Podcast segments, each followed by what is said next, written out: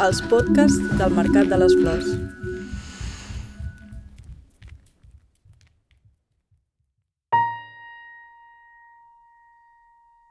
Desplaçar la mirada, excavar amb el silenci i convertir la creació en aprenentatge. Desplaçar, excavar i aprendre són els tres moviments clau a la dansa de Sofia Esencia i Tomàs Aragall, una parella de vida i artística que l'any 2001 va fundar la companyia Societat Doctor Alonso. Sota aquesta firma han estat els artífecs d'investigacions i obres tan inclassificables com difícils d'oblidar. Com expliques una peça? És impossible, has d'entrar, és que l'espectador està dintre de la peça, no? La descobreix com ell la descobreix no com tu li expliques ni com tu saps. Hi ha una altra cosa que hem treballat, que, que també ens interessa molt, que és que l'espectador sigui un espectador co-creador, en el sentit que l'espectador és el que ha de completar l'obra, que l'obra ha de tenir mm, fissures, ha de tenir eh, ranures, no ha de ser un discurs tancat, no ha de ser un discurs unívoc, que els discursos es construeixen posant al costat coses contrastades entre si i que l'espectador és perfectament capaç de relligar-les. Jo crec que sempre hem treballat amb la idea que l'espectador és una persona intel·ligent i això és molt important. Establir un diàleg amb l'espectador, no simplement explicar-li una cosa.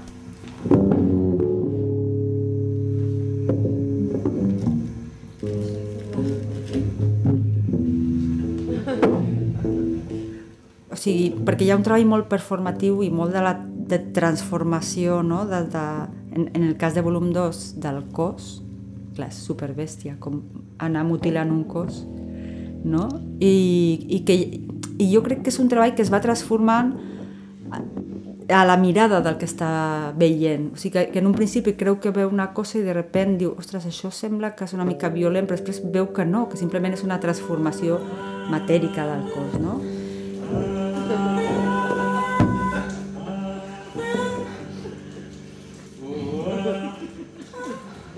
Volum 2 és una obra del 2007 creada i interpretada pel músic Nilo Gallego i Sofia Asencio. Mentre ell tocava la bateria, ella anava doblegant i lligant-se diferents parts del cos amb cinta americana. El braç esquerre enganxat al seu avantbraç, després el dret. La cama esquerra darrere la cuixa i després l'altra, fins a convertir-se en un tronc humà que amb els seus monyons encara aconseguia esgarrapar el so d'una guitarra elèctrica.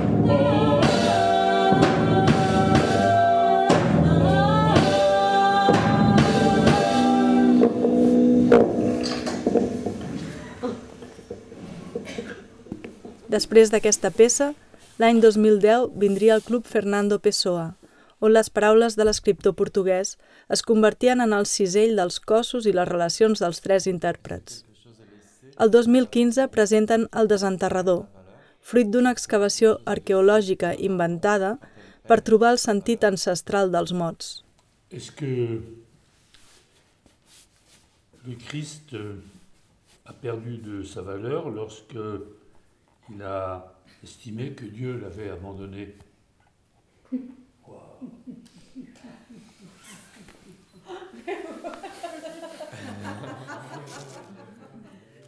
La seva pràctica continua viva a través dels tallers que encara donen en teatres, biblioteques i presons, i també s'ha convertit en un llibre, publicat recentment per l'Institut del Teatre.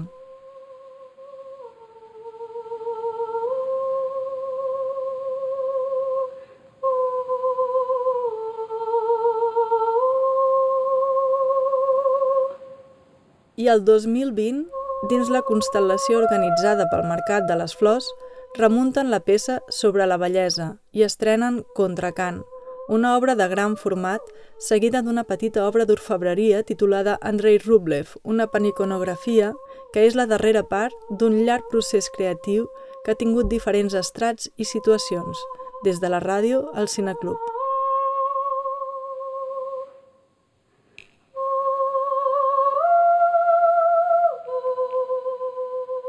les peces que fem s'han convertit en estructures de treball.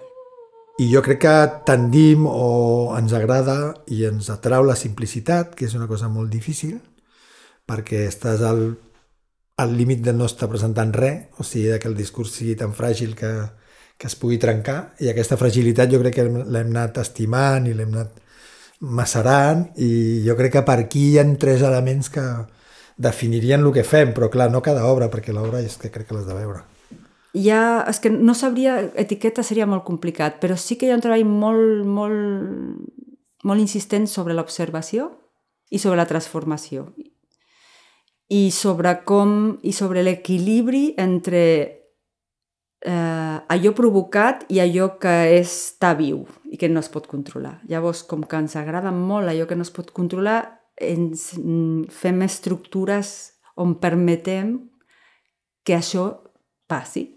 Eh, pensem de quina manera, amb quines eines. Inventem una eina que, pues, com el desenterrador, com el contracant que, que va sorgir i l'eina era una eina de, des de l'observació.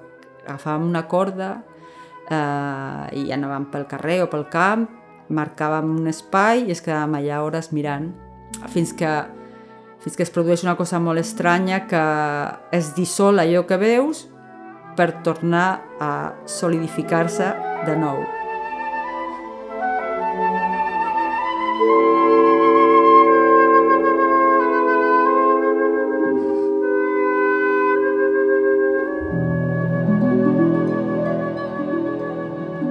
Contracant acaba amb una sinfonia enorme de llum i fum, matèria etèria que es clava en la memòria sensorial de l'espectador per sempre més.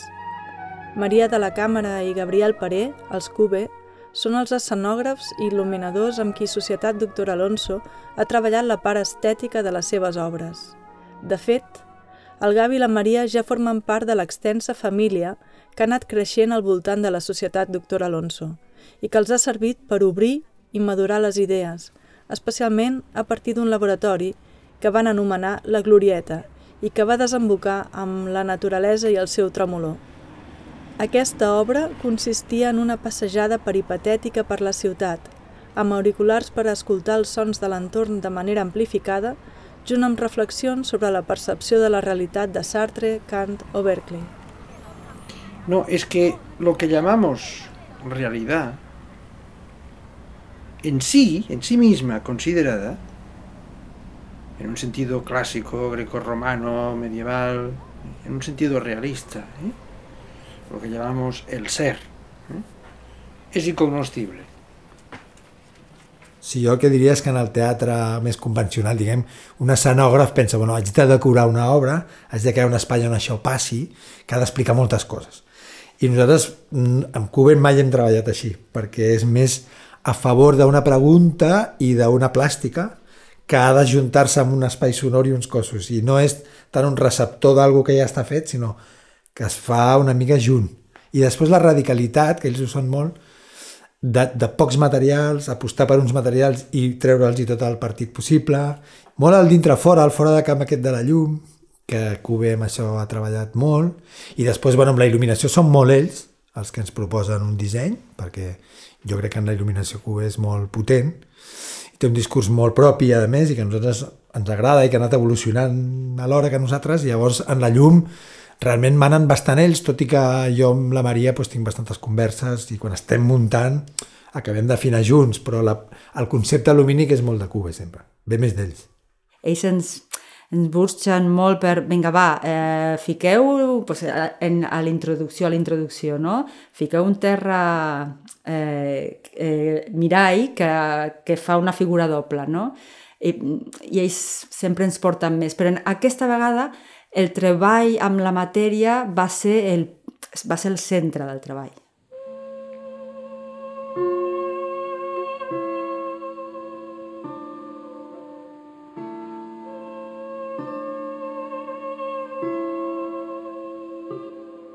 Introducció a la introducció es va presentar el 2016. Començava pràcticament en silenci i amb molt poca llum, i era la demostració aristotèlica del moviment constant i la transformació de la matèria, en aquest cas la corpòrea, que entrava en diàleg amb ella mateixa i amb el doble que apareixia sota seu, el terra brillant. Andrei Rublev, una panicografia, La textura, la plàstica, en definitiva la mirada, són el centre del treball.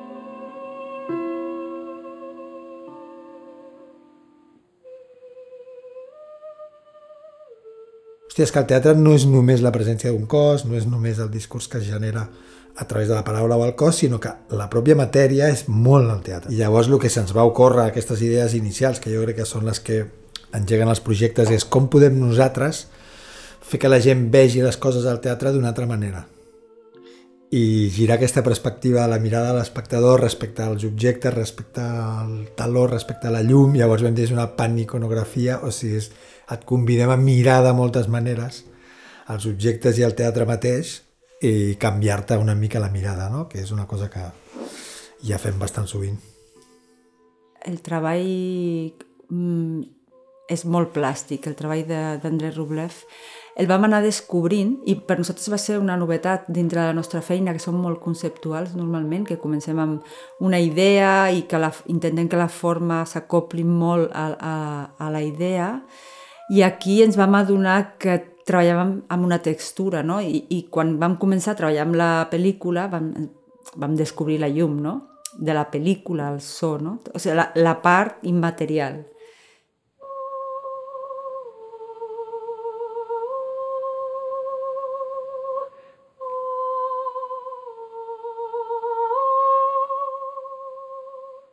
En Nazario Díaz havia fet una peça que es diu Oro, que treballa amb una manta tèrmica. I quan va venir a assajar amb nosaltres a Puntós, eh, la portava a la maleta. Llavors, nosaltres vam començar a descobrir el que passava amb, la, amb, amb el reflexe de, de la tela daurada no? I, i amb la pel·lícula, com absorbia la pel·lícula i com impulsava la pel·lícula cap a fora també, no?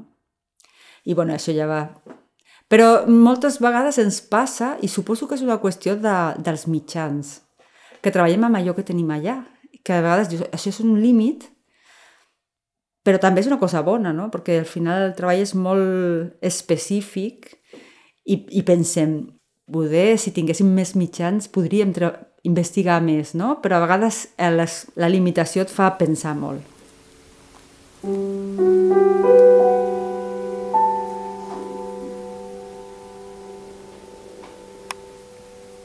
Mm. Els límits del cos han estat treballats i pensats. Sobre la bellesa, amb B alta, és una peça del 2003 i remuntada al 2019 que tracta del pas del temps amb intèrprets de més de 70 anys. L'altra cara del mateix díptic, que data del 2006, es titula Sobre la mort i va ser creada i interpretada per nens d'entre 5 i 12 anys. Clar, a mi el que em va passar és que jo, vaig jo estudiava teatre per fer text, però jo en seguida em vaig interessar per al cos i per lo abstracte, perquè a mi el text dit en un teatre, el text naturalista en un teatre, no me'l crec, tinc un problema de, de verosimilitud. Em crec al cine, quan hi ha personatges que expliquen coses naturalistes, però el teatre em costa molt. És que el teatre ho trobo que és, una, és un lloc per una altra cosa, entonces... Eh,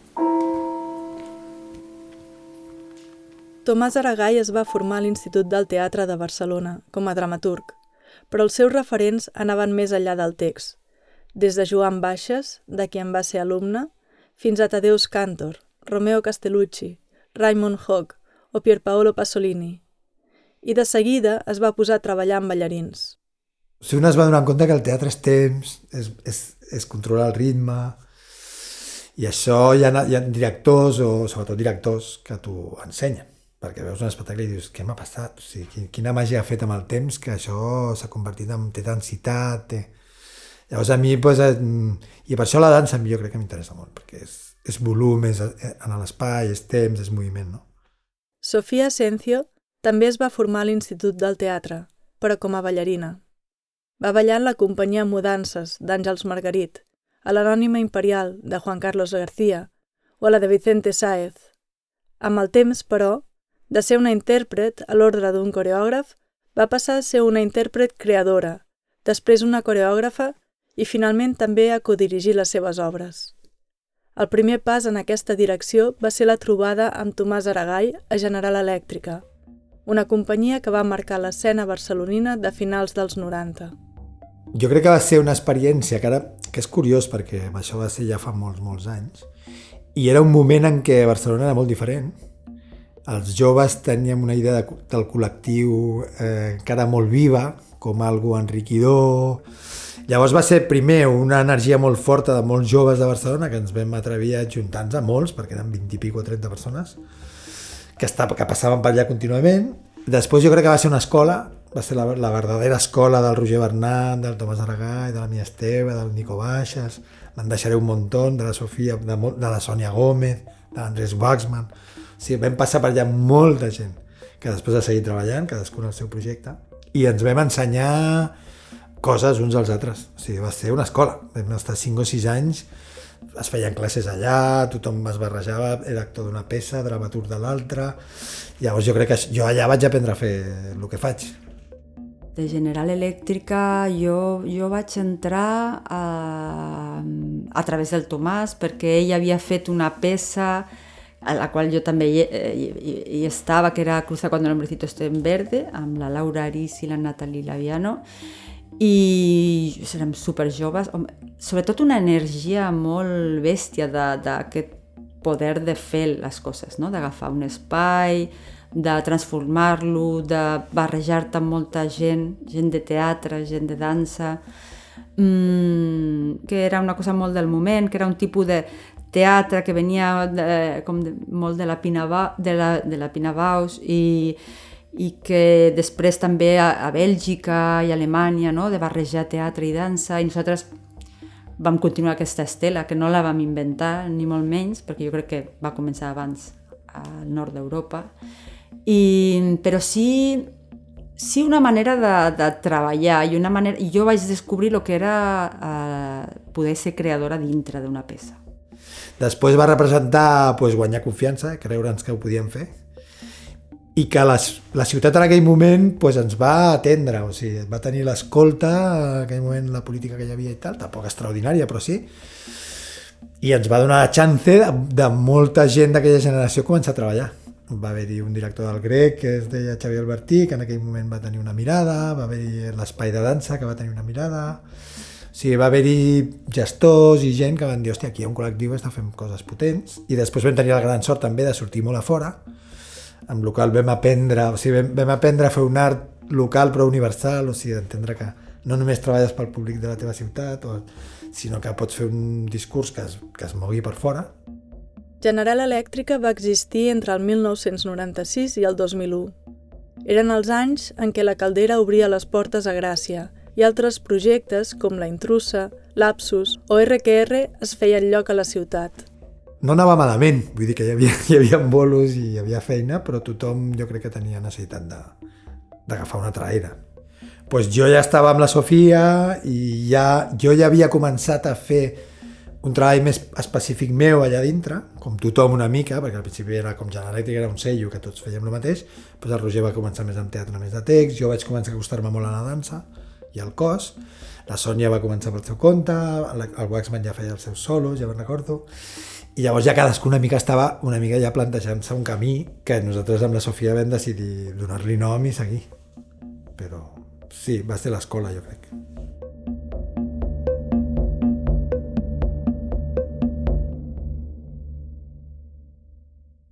Una de les peces amb més ressò de General Elèctrica fou John Kovac, State of Emergency.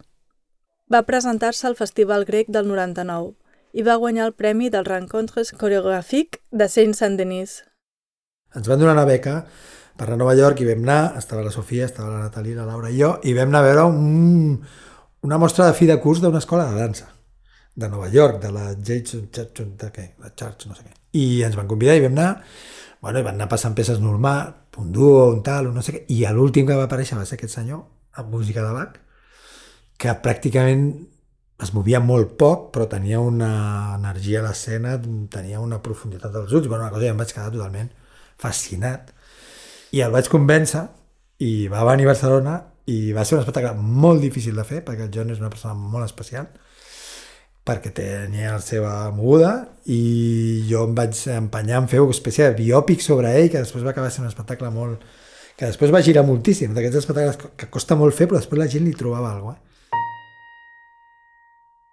No sabíem ben bé què estàvem fent, ho fèiem i ja està.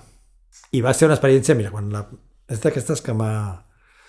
Sí, sí, que va ser intensa, intensa, personalment, i, i que em va, fer, em va fer canviar la manera d'entendre la dansa. Sí, vaig entendre moltes coses de... Es va sortir del virtuosisme, o sigui, ja abandonar el virtuosisme, abandonar la idea de coreografia com una cosa que s'escriu i es repeteix. Ell tenia un ritme intern molt particular que l'he vist a molt poques persones. O sigui, musicalment feia servir el seu cos de manera extraordinària. Eh, no, no o sigui, el podies dirigir més o menys, però havies, havies de confiar en el seu tempo intern, perquè era un altre. Era un altre. No era el d'un ballarí, ni era el d'un... no sé. I era molt màgic, era molt poètic. I després el Jonas va quedar a Elèctrica durant dos o tres anys, perquè vam girar molt, llavors ell tenia feina, es va convertir en el lampista del nostre local, vull dir que tota la instal·lació del local nou la va fer ell i tal, i després el John un dia per l'altre va desaparèixer. Va marxar de Barcelona sense dins de res. I al cap de molts anys, quan vam anar a actuar amb Anarchy a Nova York, jo pensava, jo la donava per perdut, no sabia què havia passat. De sobte el veig entrar al teatre. Això fa dos o tres anys, que va estar com una emoció així, molt rara. I ell és molt tímid, ell és una persona molt especial. I res, ens vam abraçar, vam parlar una estona i tal, i quan es va acabar Anarchy se'n va tornar a anar i no, ja està.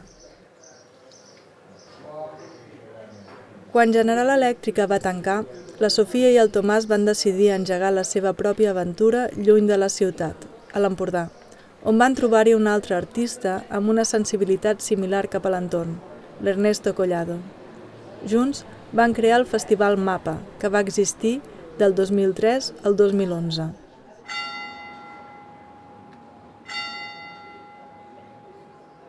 Bueno, va ser tot bastant orgànic perquè vam anar a viure a Camallera i llavors eh, buscàvem un local d'assaig i, i llavors veure a Sant Mori.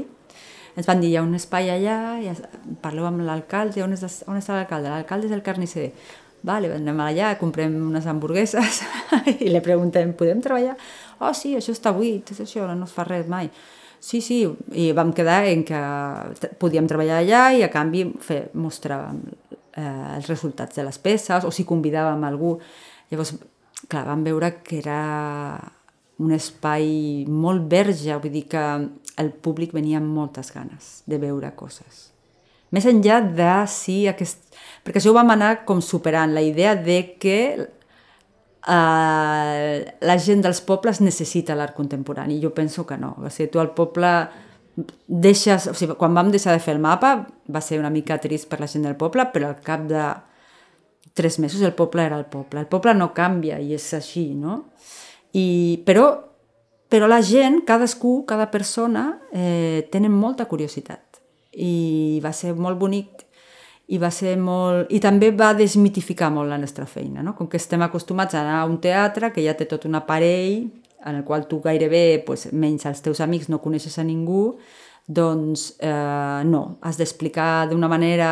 O sigui, cada cosa que necessites l'has de buscar, l'has de comunicar, eh, la gent et pregunta, no? t'interpel·la. Per exemple, la primera vegada que vam presentar una peça a Sant Mori, eh, just abans de començar, perquè era un diumenge, eh, hi havia un, un nus d'un actor i jo li dic al Tomàs, ostres, Tomàs, és que hi ha nens i tot, és que era la primera vegada i pensava, això serà la fi. I diu, igual l'hauríem d'avisar. I llavors el Tomàs diu, abans de començar, bueno, uh, només us volem dir que hi ha un moment de l'espectacle, que hi ha un nus, i tothom va començar, les dones, tot, yeah! l'actor estava collonint, deia, és que em menjarà. I, estava, i quan, es, quan va haver-hi l'escena, tothom aplaudint, o sigui, es va donar la volta, no? O sigui, va dis, desmitificar fins i tot això. És com, bueno, allò que fem no és tan especial, no, no, no, és, no és tan important, no? Eh, perquè mira com, com es rep, no? I llavors vam treballar molt, eh, molt, molt a prop del poble, molt a, molt a prop, fins que va arribar un moment que fins i tot el poble ens va, alguna gent del poble ens va demanar que ells també volien fer coses, no? I, això, i tot això, doncs, sempre diem que quan estem més fora del teatre, de, de l'espai escènic, és quan les eines del teatre, o bueno, de l'escènic, es treballen més fort i es perfilen més fort, perquè necessites conceptualitzar-les més. Al teatre hi ha unes coses que ja, ja és una caixa negra, ja hi ha una llum, hi ha moltes coses que ja no cal ni explicar-les, però en, a la natura o en un poble, o sigui, el context sempre està ahí, és específic. Llavors és, has d'afinar molt perquè, perquè ho veus, o sigui, quan fèiem el mapa tu feies alguna cosa o algun artista al costat d'un arbre i era ridícul, en el sentit de és que l'arbre és molt millor que tu, què pots fer? És com, què, què podem fer nosaltres amb el Tarkovsky? No podem fer res, o amb el Pessoa, no? Llavors aprens allò de la mesura, de, de dir, vale, això ja és bo, ja sol és bo, pues què, quina relació puc tenir jo amb això, no? Què puc aportar? Que a vegades és molt poc, eh? Jo crec que va ser com un... El procés dramatúrgic interessant va ser com fer que l'art no fos invasiu, no fos un discurs que colonitza, no fos un discurs que ve ensenyar res a una gent que ja sap moltes coses, sinó fer-los entendre als artistes que havien de mirar a l'espai i intentar treballar amb aquells espais i amb aquelles energies i amb aquella gent i que, el, que la idea públic, eh, públic qui, fa qui fa el festival i qui el mira fos molt més clara. L'últim mapa realment va ser li vam dir poble i l'última va, el gran esdeveniment del, del festival va ser una peça que vam escriure amb la gent del poble, assajar amb la gent del poble, era com un Fuente Guajuna, però contemporani. I es va, es va fer amb el, el decorat, diguem-ne, l'espai on es feia era tot el poble i es veia des de la muntanya.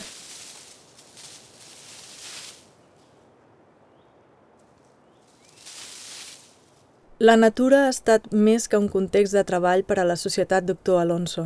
Ha sigut una guia, una mestra de ritme i mesura. També ha funcionat per a la feina de guionista que el Tomàs ha dut a terme al costat del cineasta Cesc Gai. Per ell, ha creat els guions de les pel·lícules Crampac, En la ciutat, Ficció o Truman. No, la película son conversaciones a lo largo de ese día. Son diálogos con otros personajes, amigos, que también tienen su misma edad, Una reflexión sobre ellos mismos. Ah. el momento que viven, sus cosas. Vaya. Sus crisis.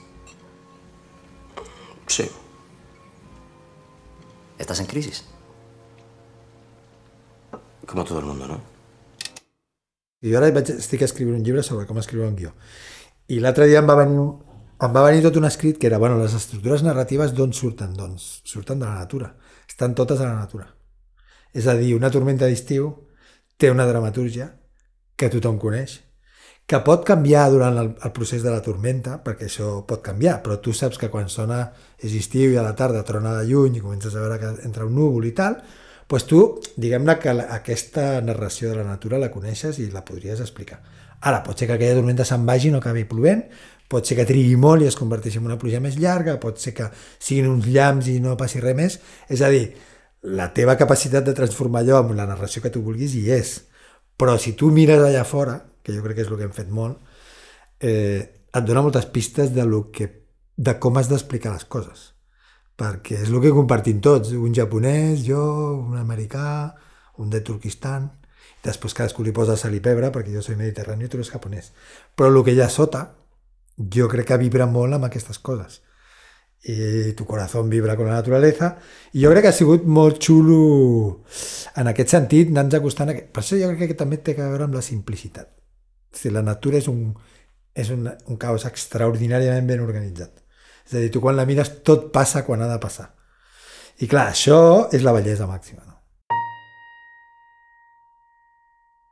i dius, clar, jo com a artista m'haig d'acostar a això en aquest misteri de com passa això perquè això és el que l'espectador segur que vibra. I jo crec que vam, que hem investigat, o sigui que el camp ens ha donat una sensació de ritme i de temps. Primer de ritme i de temps. Segon, ens ha fet estudiar filosofia, no em preguntis per què, però tenir la natura tan a prop i tan tremend allà davant, jo crec que ens va fer preguntar, però tot això què, o sigui, tot això com funciona, o sigui, tot això què és, no? Ho pots fer des de la ciència, ho pots fer des de la metafísica, que ha sigut una mica el cas,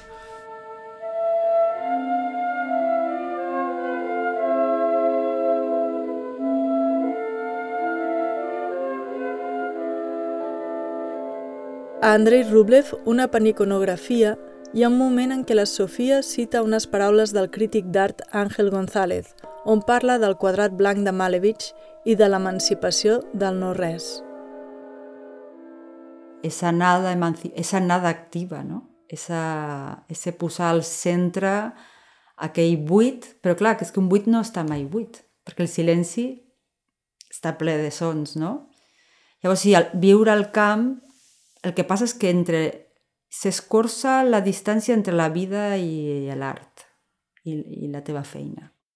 Entendre que el silenci és molt valuós, o sigui que el silenci és realment quasi l'eina més valuosa, que en teatre així més convencional seria pausa, no? Però és molt més que una pausa. Eh, jo crec que el temps l'hem amassat molt.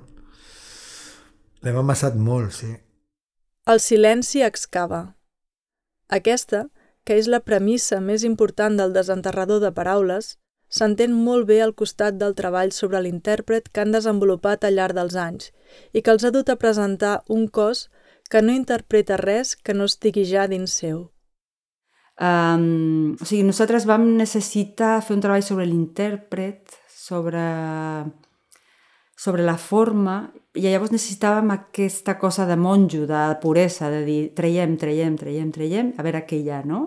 Tot aquest buidatge de, de l'ego, de la presència com algo singular i importantíssim, que ve donada d'una tradició actoral que no ens interessava des del principi. Jo crec que ara això ho hem depurat. Això, això ho, hem, ho hem anat entenent, hem anat entenent que preferim treballar amb gent que, que té una poètica personal ja incorporada i estranya que no amb un professional. Perquè un professional, a la meva, amb tots els respectes per tothom, el que ha de fer després d'haver estudiat interpretació és desaprendre moltes coses, com un ballarí, com un director, com un... Vull dir que l'artista s'ha de treure moltes capes, més que posar-se. És un treball no de construir, sinó de desfer. És molt en aquesta base més que podria ser del pensament oriental, que l'evolució passa per anar netejant, no? o sigui, anar lliscant sobre la mateixa la pedra que al final es fa rodona, no la construeixes com rodona. Um, és un treball que no acaba mai. Jo, eh, jo pensava, és com un quadre que quan acabes aquest quadre, no? que en realitat no mostres el quadre acabat, sinó mostres el quadre pintant-se. I en aquesta observació és quan apareix la bellesa. Més que forjar un sentit, les investigacions de la Societat Doctor Alonso busquen maneres de permetre la seva manifestació i acaben amb una obra que no és res més ni res menys que un espai ideal per compartir-la amb el públic. O sigui, nosaltres no estem al mig, sinó que nosaltres és com movem els, els fils perquè, perquè, per exemple, les cortines, no? els reflexes que fan, és com quan tu veus, una, veus un núvol al cel o el, o el sol dona de tal manera dintre casa teva que això ho veus tu, però no, no està dibuixat, sinó que és tu que ho has vist, no? I, i passa alguna així. Llavors, com que som conscients d'això i ens agrada molt i, i hem, hem treballat en, en, en això, és com molt treure'ns fora a nosaltres de la feina.